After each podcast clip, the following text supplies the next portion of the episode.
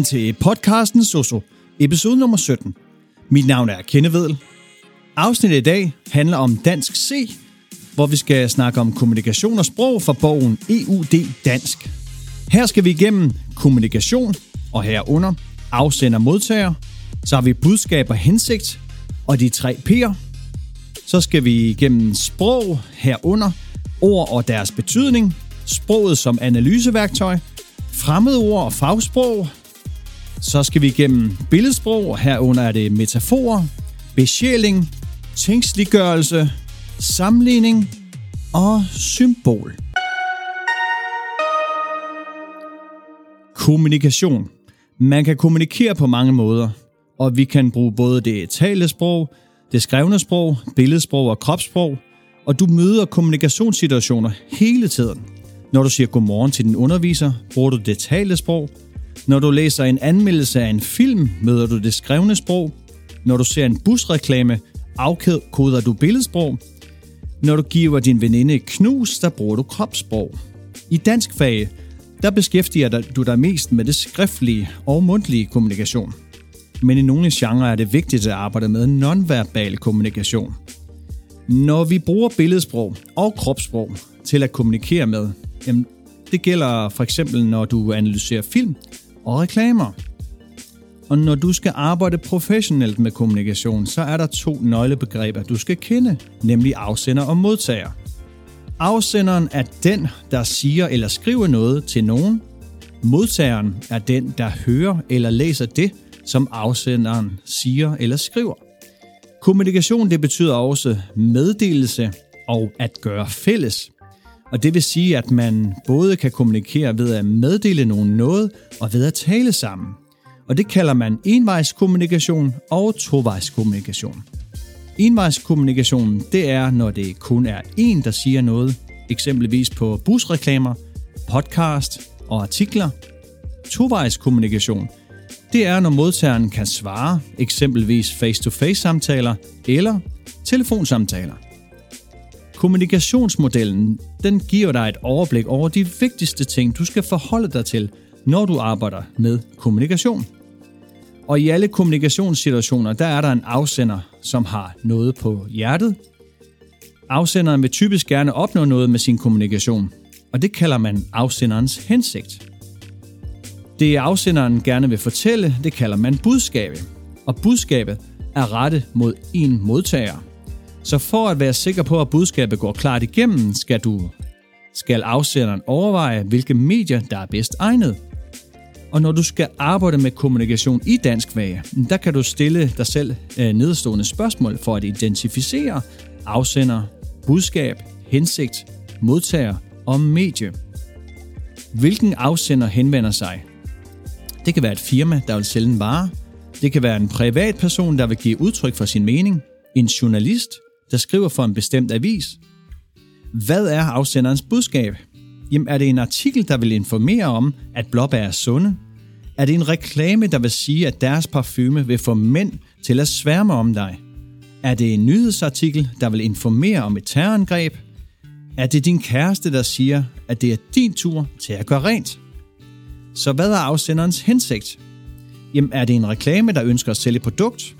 Er det en artikel, der ønsker at skabe debat om aktuelle emner, som for eksempel aktiv dødshjælp? Er det en officiel kampagne fra Udenrigsministeriet, der skal informere om, at der mangler håndværkere i Danmark? Så har vi modtager, altså hvem er budskabet rettet imod? Børn, forældre, unge, ældre eller mænd, kvinder? Og hvilken medie bruger afsender? Er det en avis? Er det et fagblad? Er det i tv? Er det på sociale medier? Afsenderen vælger sit medie alt efter, hvem målgruppen er, altså hvem der er modtager. Og er målgruppen unge, så vælger man nok at reklamere på internettet. Er målgruppen ældre, så kan man for eksempel reklamere i lokalavisen. Hvis man vælger det forkerte medie, så vil budskabet aldrig nå frem, og det kan altså ikke nytte noget, at du sender en MMS til din bedstemor, hvis hun ikke har en smartphone så skal vi snakke lidt om kontekst, for al kommunikation det foregår i en større kontekst, det vil sige sammenhæng. Konteksten har betydning for, om budskabet når frem, men også for, hvordan budskabet opfattes. Hvis din kollega for eksempel siger, åh, oh, det er typisk dig, så vil du af, afkode budskabet ved at overveje, hvad for et tonefald din kollega bruger, og hvilket kropssprog din kollega bruger.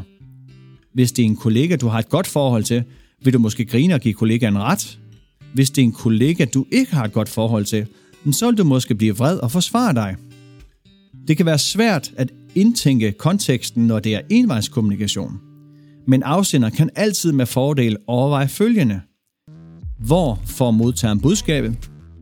Har modtageren tid og ro til at fordybe sig om budskabet? Og hvor lang tid har modtageren til budskabet? Er det gratis, gratisavisen Metro Express har for eksempel undersøgt, hvor lang tid en gennemsnitspendler har til at læse artiklen. Og så har de tilpasset artiklens længde efter det. God kommunikation i praktikken. Når du kommer i praktik, skal du være opmærksom på de tre roller, du har, når du kommunikerer. Og det er rollen som professionel, rollen som personlig og privat. Og det er her, de tre P'er kommer ind. Professionel, personlig, privat. Når du kommunikerer professionelt, er det vigtigt, at du faglig, savlig og har autoritet. Det er vigtigt, at du har de, de ting der. Altså dit sprog og ordvalg skal altid passe til den situation, du står i, og til den modtager, du står overfor. Rollen som personlig, jamen, når du går på arbejde, er du ikke en maskine. Du er et menneske, der har brug for din personlighed i mødet med borgeren. Det er en god ting, for når du har din personlighed, så føler andre sig mødt og forstået. Og det er dog altid vigtigt, at du bruger din personlighed på en professionel måde, ellers er du over i rollen som privat. Rollen som privat, og her skal du være meget opmærksom på, hvad du siger om dig selv som privatperson. Du kan godt vælge at sige ting til din gode kollega, men du skal være forsigtig, når du taler med borgere. Det kan være svært at fremstå som en fagperson, som man kan have tillid til, hvis du to minutter før har fortalt om alle dine private problemer.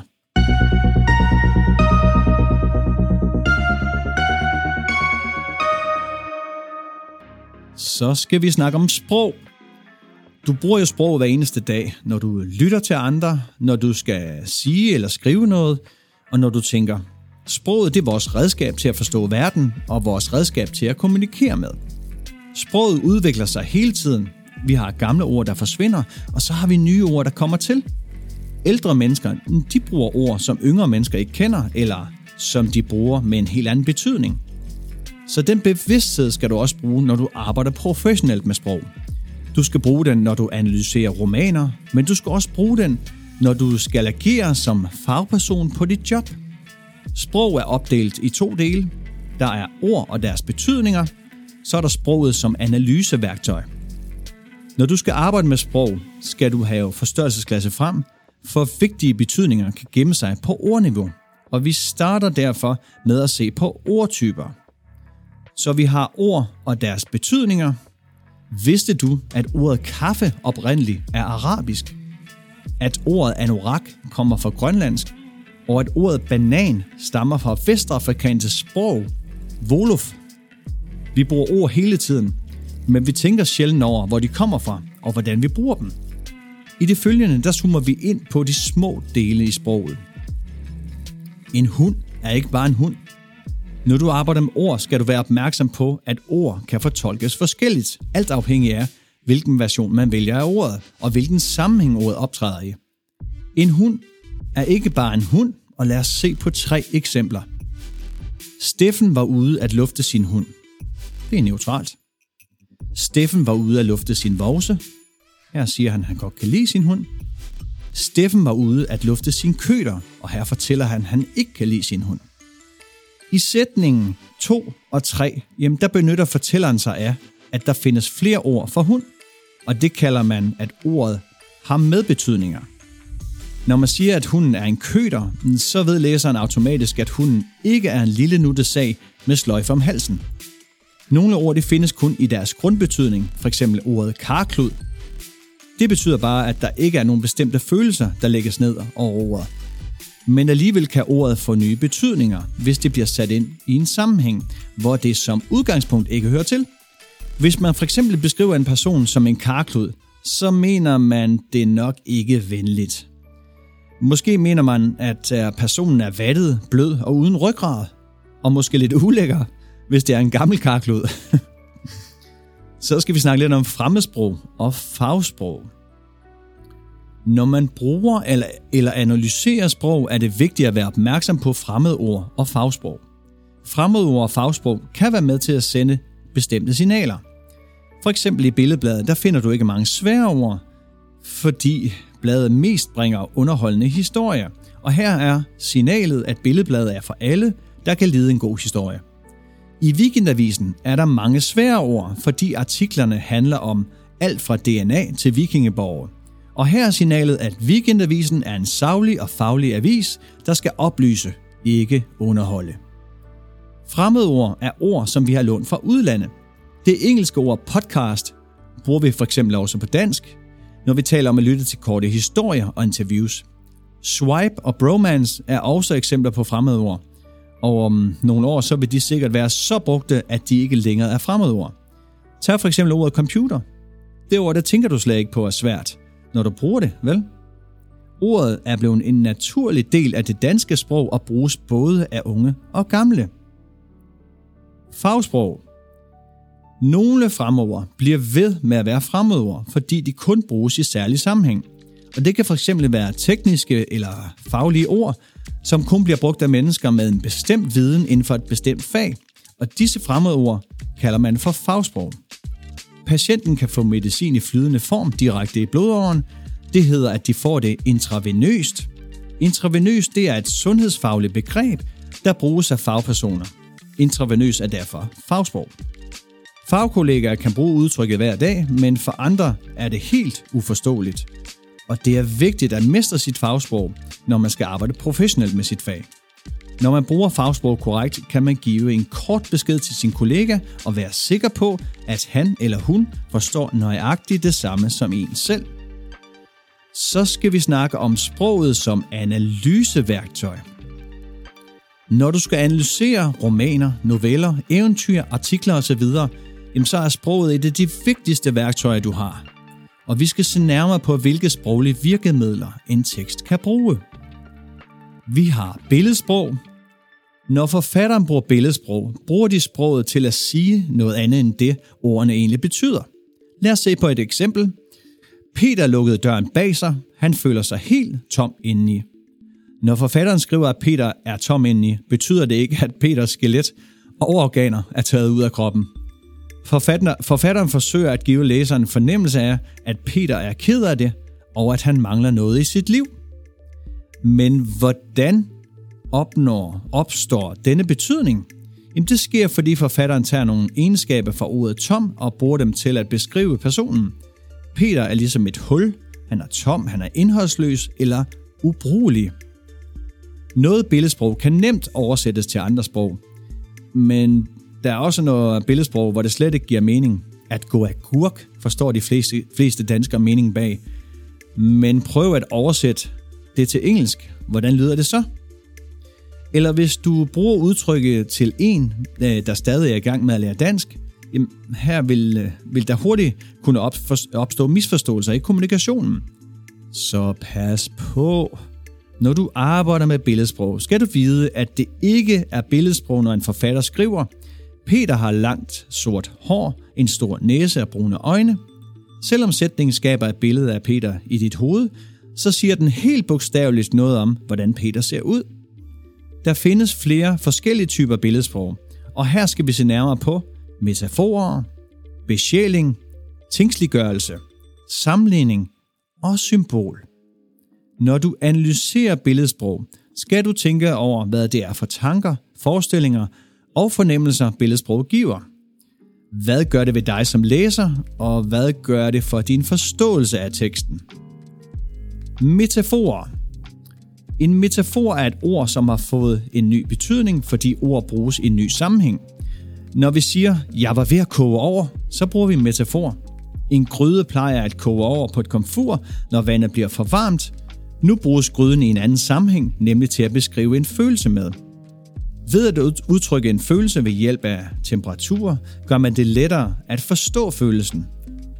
Vi har vist Vi har vist alle prøvet at være så vrede, at vi føler, at vi koger indeni.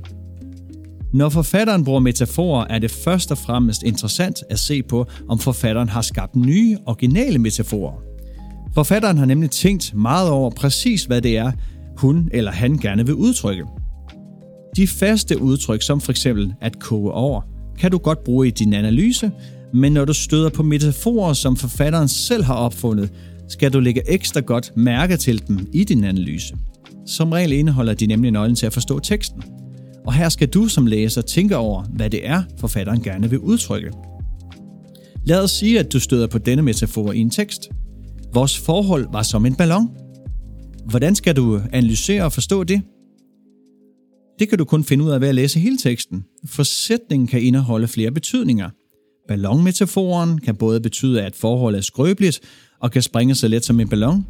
Det kan også betyde, at forholdet er oplæst, altså det ser godt og velfungerende ud udefra, men at det faktisk ikke øh, indeholder noget. Det kan også betyde, at forholdet er let og uden skænderier, det svæver elegant og ubesværet over jorden. Her er lidt flere eksempler på metaforet bevise kastede lys over sagen. Han tog benene på nakken. Hun trådte i spinaten. Og den sidste. Problemet blev fejet ind under gulvtæppet. Og denne metafor betyder, at et problem er blevet gemt af vejen eller skjult for andre, og metaforen er bygget op af to planer, et re- re- reelt plan og et billedplan. Så har vi besjælingsmetaforer, og en besjælingsmetafor er en metafor, der giver en ikke-menneskelig eller dyr nogle menneskelige egenskaber. En skov kan fx beskrives som venlig og imødekommende, eller som barsk og ondskabsfuld. Skoven er i virkeligheden verden venlig eller barsk, men det giver læseren et bedre indtryk af skoven, end hvis den bare var grøn, lys og smuk, eller mørk og tæt bevokset. Eksempel 2. Kornet på marken dansede smukt i vinden. Eksempel 3. Lygtepælen stod på vejen og bukkede venligt for alle, der kom forbi. Eksempel 4. Glasset ventede tålmodigt på, at jeg drak af det. Og det er alle eksempler på besjælingsmetaforer. Så har vi tingsliggørelsesmetaforer. En tingsliggørelsesmetafor er en metafor, der gør noget levende til en ting. En person kan fx beskrives som en maskine. Derved mener man måske både, at personen er effektiv og ufølsom, Eksempel 2. Han står fast som et bjerg. Eksempel 3. Betjenten sagde, den anholdte er en hård nød at knække. Så husk, at tingsliggørelsesmetafor er det levende gjort til en ting. Så har vi sammenligning. En sammenligning fungerer på samme måde som en metafor, men den bruger et som eller ligesom. Du er dum som en dør. Min elskede er som en rose, eller Livet er en rutsjebane, er alle eksempler på sammenligninger. Når sammenligningen bruges, når sammenligningen bruger et som, betyder det, at du ikke skal tage sammenligningen bogstaveligt.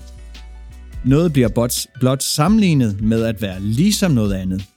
Og de forskellige slags metaforer og sammenligninger har det til fælles, at de kun findes i sproget. Hvis du har det som en hund, der er blevet kørt ned, så er der verden nogen hund eller en bil i virkeligheden. Det eneste, du beskriver, er en følelse af at have det skidt, at være udmattet og syg. Så skal vi snakke om symbol. For et symbol er noget, som både findes i virkeligheden og på samme tid bliver tillagt en billedlig betydning. Når hovedpersonen i en novelle får udleveret en nøgle, er nøglen noget, som optræder som en fysisk ting i novellen. Samtidig symboliserer nøglen måske hovedpersonens evne til at lukke op for nogle følelser, eller måske er der en hemmelighed, der skal afsløres. Det er ikke kun en dør, der bliver åbnet med en nøgle, men også noget andet. Symbol er altså noget, som har en konkret betydning, men på samme tid kan det også tillægges i en ny betydning i analysen og fortolkningen.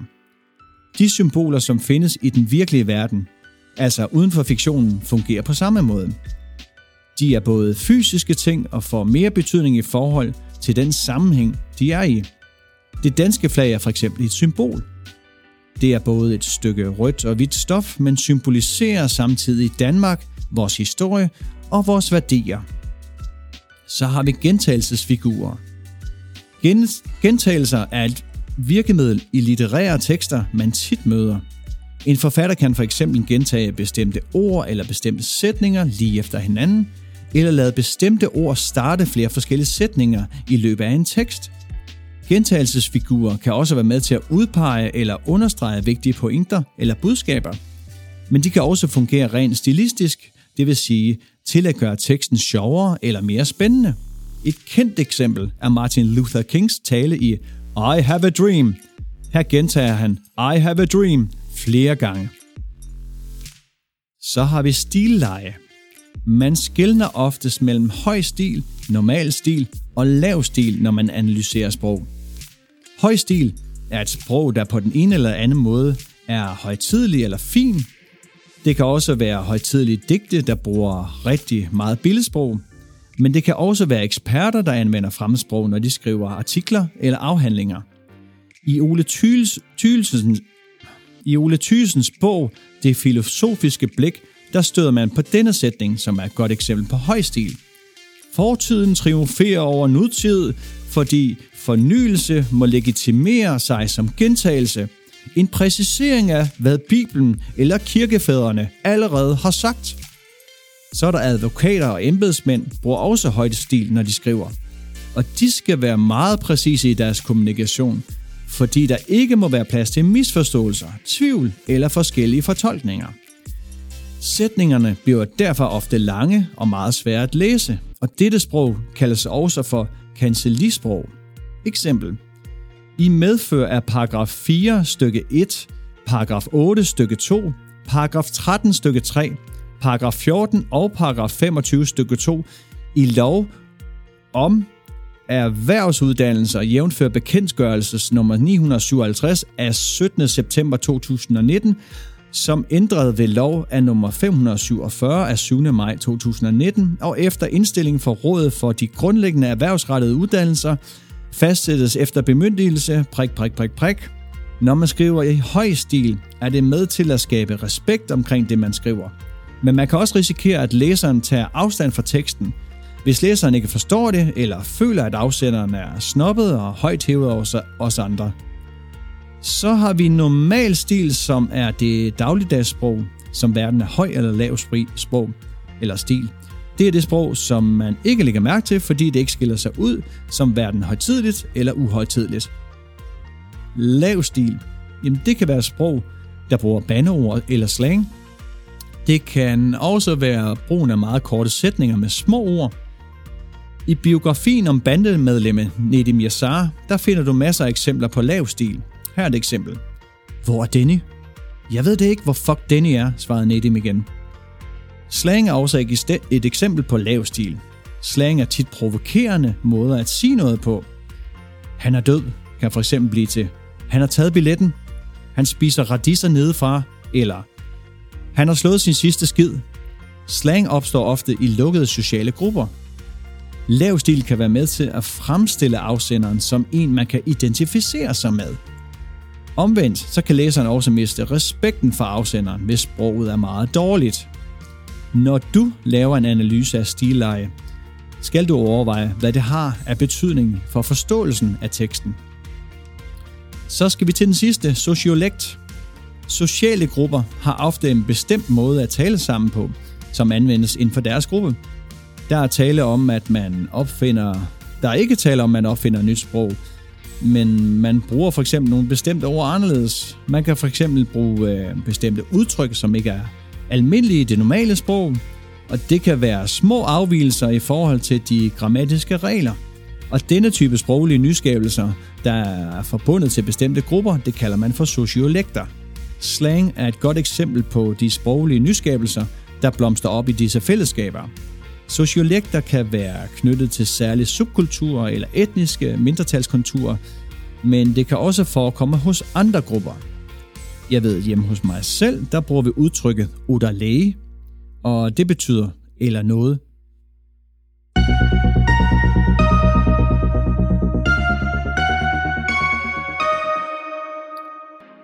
Det var alt om kommunikation fra bogen EUD Dansk, og vi havde selvfølgelig også sprog med.